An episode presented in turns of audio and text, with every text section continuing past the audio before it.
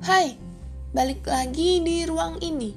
Pernah nggak kamu penasaran seperti apa capeknya jadi manusia yang terus-menerus berusaha mengabulkan ekspektasi orang-orang?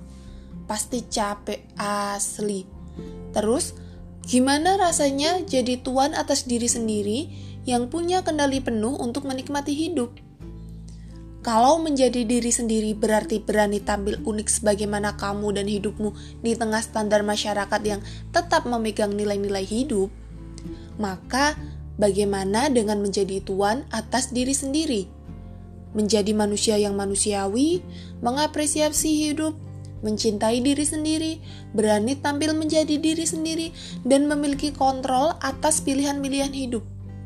Bisa nggak kita menjalani hari-hari seperti itu? Menjalani hari-hari tanpa terus ditekan tuntutan ekspektasi orang-orang di sekeliling kita. Menikmati waktu tanpa terus-menerus resah karena memikirkan bagaimana caranya membahagiakan semua orang, dan mensyukuri hidup tanpa perlu pengakuan-pengakuan dari lingkungan sosial. Bisa nggak? Nah, masalahnya kita hidup di mana ekspektasi orang-orang terhadap diri kita menjadi beban tersendiri di pundak. Rasanya kayak pundak berasa berat banget bukan hanya karena masalah personal, bukan karena masalah relationship, tapi karena ada ekspektasi orang-orang yang nangkring di pundak kita. Berasa digendong setan sih. Oke, lanjut. Memang memang bukan kewajiban kita untuk mengabulkan ekspektasi mereka dan membuat semua orang bahagia. Tapi terkadang tanpa sadar, justru semakin kita menua, kita bertingkah seakan kita ini robot yang bisa terus bekerja dan mengesampingkan bahagia kita sendiri. Tahu-tahu udah depresi aja gitu. So, mari kita mulai berbincang tentang si pemilik diri. Seperti apa sih kalau menurut aku pribadi, menjadi tuan atas diri sendiri itu artinya kamulah yang memiliki kamu yang memiliki kontrol atas keputusan, pilihan, tindakan, dan emosi kamu. Kamu yang harus memimpin itu semua, bukan orang lain. Sederhananya, kamulah yang mengendalikan hari-harimu. Um, ya tentu saja Tuhan pemilik alam semesta yang mengendalikan semuanya. Tapi di sini kita membicarakan hal-hal sederhana yang bisa kita ubah.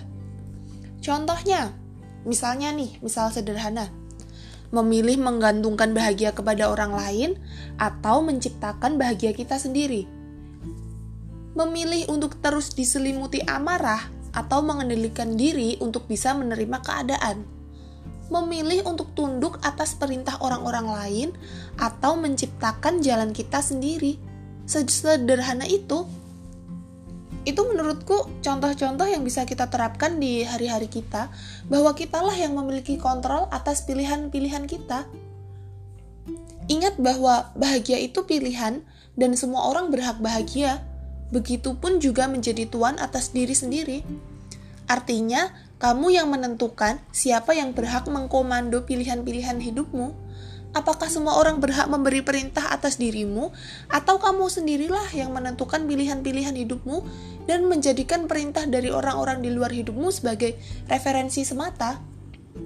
Kamu nggak harus mengiyakan seluruh perintah dari orang-orang di luar lingkaran kamu.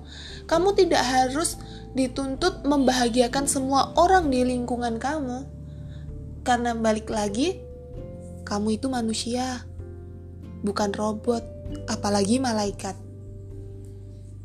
Kamu punya titik jenuh kamu sendiri, kamu punya titik lelah kamu sendiri yang harus kamu kendalikan, dan yang tahu batas-batas itu hanyalah kamu. So, pentingkah memiliki kontrol atas diri sendiri? Penting sih untuk bisa menjaga kewarasan diri, untuk kita bisa tetap waras untuk kita bisa tetap stay kalem sama semua hal. Sering kita temui perasaan sungkan ketika menolak permintaan orang. Rasa takut untuk bilang tidak pada orang lain. Terus-menerus berusaha memprioritaskan orang lain. Selalu merasa bahwa bahagia orang lain adalah tanggung jawab kita. Dan yang sering terjadi adalah kita merasa bahwa pundak kita penuh atas beban, lalu kita lupa untuk bahagia. Itu kenapa orang-orang um, yang pernah aku temui selalu merasa bahwa mereka sulit mencari bahagia mereka. Mereka tidak menemukan bahagia mereka. Padahal bahagia itu tanggung jawab kita dan kita yang ciptakan. Dan itu salah satu kontrol atas diri sendiri. Bahwa kita berhak bahagia, kita berhak menentukan pilihan-pilihan kita tanpa perlu kita merasa bahwa segala saran, kritik, dan perintah orang lain adalah tanggung jawab kita yang harus kita kabulkan dan kita turuti. Semakin tua, semakin dewasa, jangan justru pelan-pelan berubah menjadi robot yang lupa akan keunikan diri sendiri Syukuri hidup dengan mengapresiasi setiap waktu yang masih Tuhan beri. Nikmati setiap proses dengan menjadi diri sendiri dan tahu batas-batas diri dengan menjadi tuan atas hidupmu. Kamu, si tuan pemilik diri, jangan lupa bahagia ya. Tenggak setiap proses hidup dengan penuh sukacita. See you.